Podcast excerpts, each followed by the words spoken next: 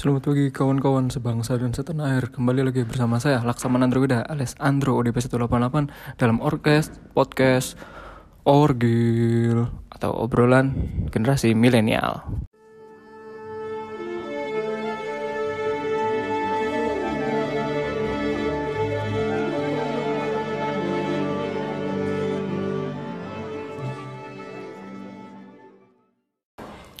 Oke jadi hari ini kita mungkin bakal bahas ringan-ringan aja ya. Soalnya mumpung pertama juga Saya juga pertama kali ini bikin podcast.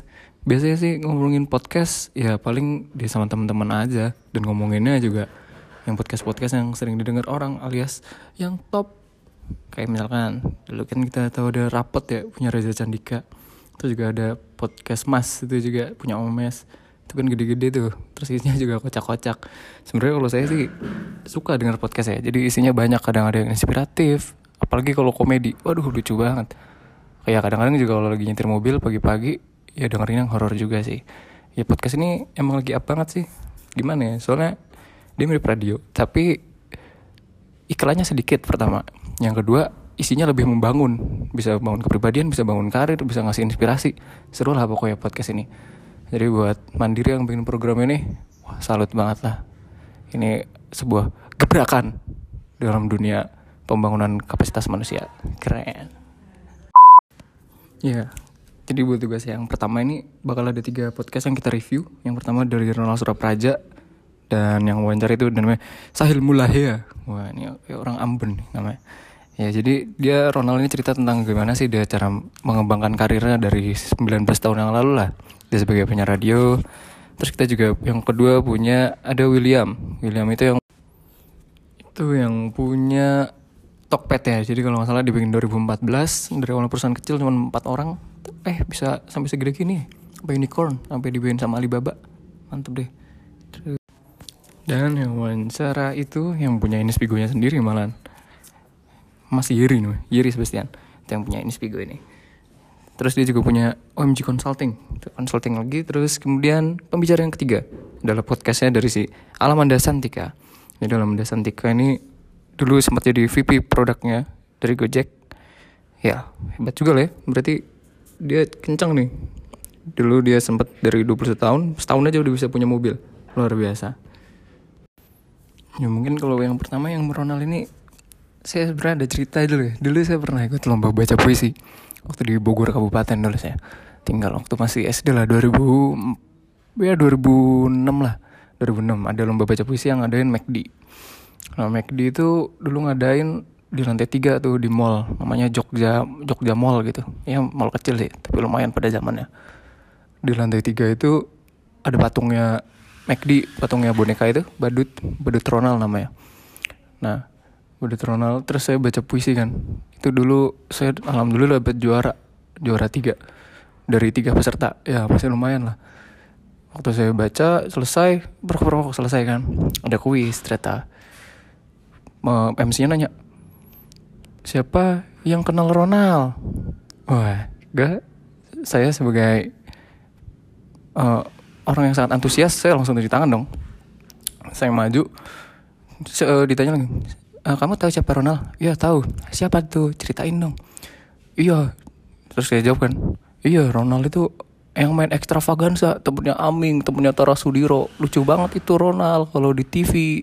Terus pada diam, saya bingung, kenapa kok pada diam? Karena bener dong, ternyata yang dimaksud itu Ronald badutnya McD. Ya ampun, ya itu sih agak malu tapi oke-oke aja orang menang ya. Oke langsung yang ke materi benar sebenarnya. Jadi Ronald ini dia mengakukan dirinya sebagai seniman karena dia mau gimana pun caranya dia harus bisa mengekspresikan karya-karyanya mau jadi uh, penyiar ya udah bisa di radio. Dia mau di panggung ya bisa jadi MC. Dia mau musik dia bisa bikin label dia bisa bayarin band. Dia bisa ngetik apa nulis juga bisa dia baru mau upload lagi nih film apa buku terbarunya. Nah dari Ronald ini kita belajar bahwa kerja itu harus pakai hati.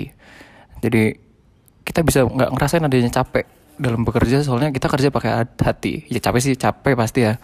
Tapi maksudnya nggak kerasa karena hasilnya tuh ada gitu. Jadi kerja sekuat tenaga. Dulu dia pernah dibayar 8 ribu dalam 2 jam. itu tahun 2000 tuh sampai 2018 udah berapa ribu kali lipat dia naik karena dia sekarang adalah uh, penyiar termahal istilahnya di Indonesia nah terus Mas Ronald ini menegaskan bahwa kalau kita kerja tuh pakai hati itu agar bisa kerja dengan 5 as. Yang pertama harus bisa kerja secara keras itu yang menjadi kita kan fondasi kan. Jadi kalau awal kita masuk kerja kita harus bikin anchor yang kuat gitu ya. Jadi istilahnya nyebarin link lah terus juga kita harus memperbesar silaturahmi sama yang lain harus bisa dipercaya sama kawan-kawan sama atasan reliabelnya tinggi. Nah itu yang pertama kerja keras. Yang kedua kita harus bisa kerja cerdas. Kerja cerdas itu usaha sekecil-kecilnya hasil sebesar-besarnya. Nah itu udah nanti kalau udah mulai ahli lah. Nah terus harus bisa uh, kerja tuntas. Nah kerja tuntas itu bagaimana kita bisa melakukan semuanya tuh paripurna gitu. Jadi nggak ada yang ketinggalan semua sampai akar harus bisa selesai dan yang paling susah itu yang masih dicoba juga nih Mas Ronald adalah kerja ikhlas. Itu jadi harapannya agar semua yang dikerjakan tuh berkah ada manfaatnya buat orang banyak. Nah jadi karena Mas Ronald kerja di industri kreatif dia mengajarkan kita gimana sih cara biar munculin ide kreatif. Yang pertama kita harus bisa buka mata telinga sama hati. Jadi kita harus beli harus ngelihat without the box sekarang. Dulu kan kita belajar ada inside the box out of the box. Nah sekarang without the box. Kita kalau bikin ide ya nggak usah ngelihat norma-norma yang berlaku. Langsung aja kita segila-gila mungkin lah. Nah nanti baru kalau eksekusi kita diskusi sama orang-orang. Terus yang paling penting juga selain buka mata hati telinga atau berpikir without the box kita harus banyak referensi. Zaman sekarang gampang banget informasi didapetin dari mana-mana. Dari buku dari internet dari orang.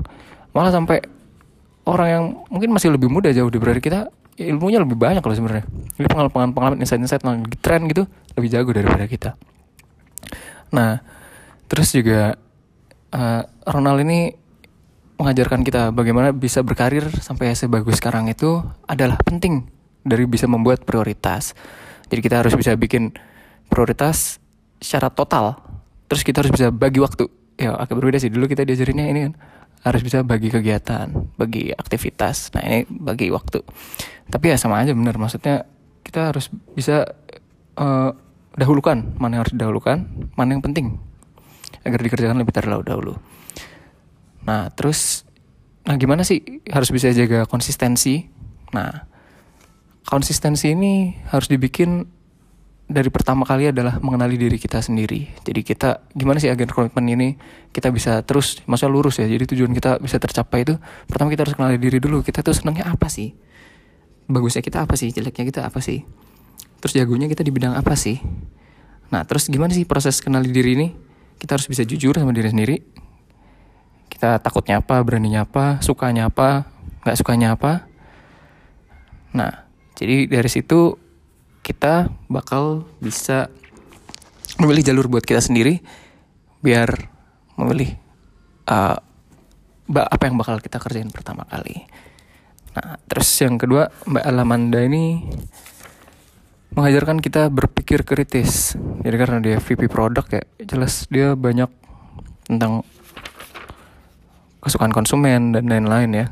Jadi dia punya banyak titik rendah. Salah satunya adalah waktu dia mau kuliah dulu ya sakit.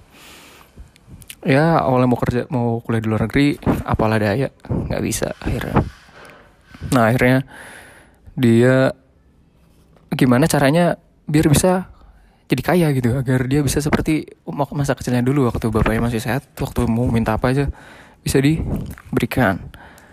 Nah tapi waktu dia udah mulai masuk malah dia ngerasa waktu ketemu Nadim ya maksudnya masuk Gojek tuh oh, dia ngerasa malah kayaknya uang tuh wah apa sih lebih baik kita bekerja itu membuat bahagia lebih banyak orang. Karena dia ada salah satu pesannya hidup itu nggak bahagia kalau lu bahagianya cuma sendirian gitu. Istilahnya gitulah.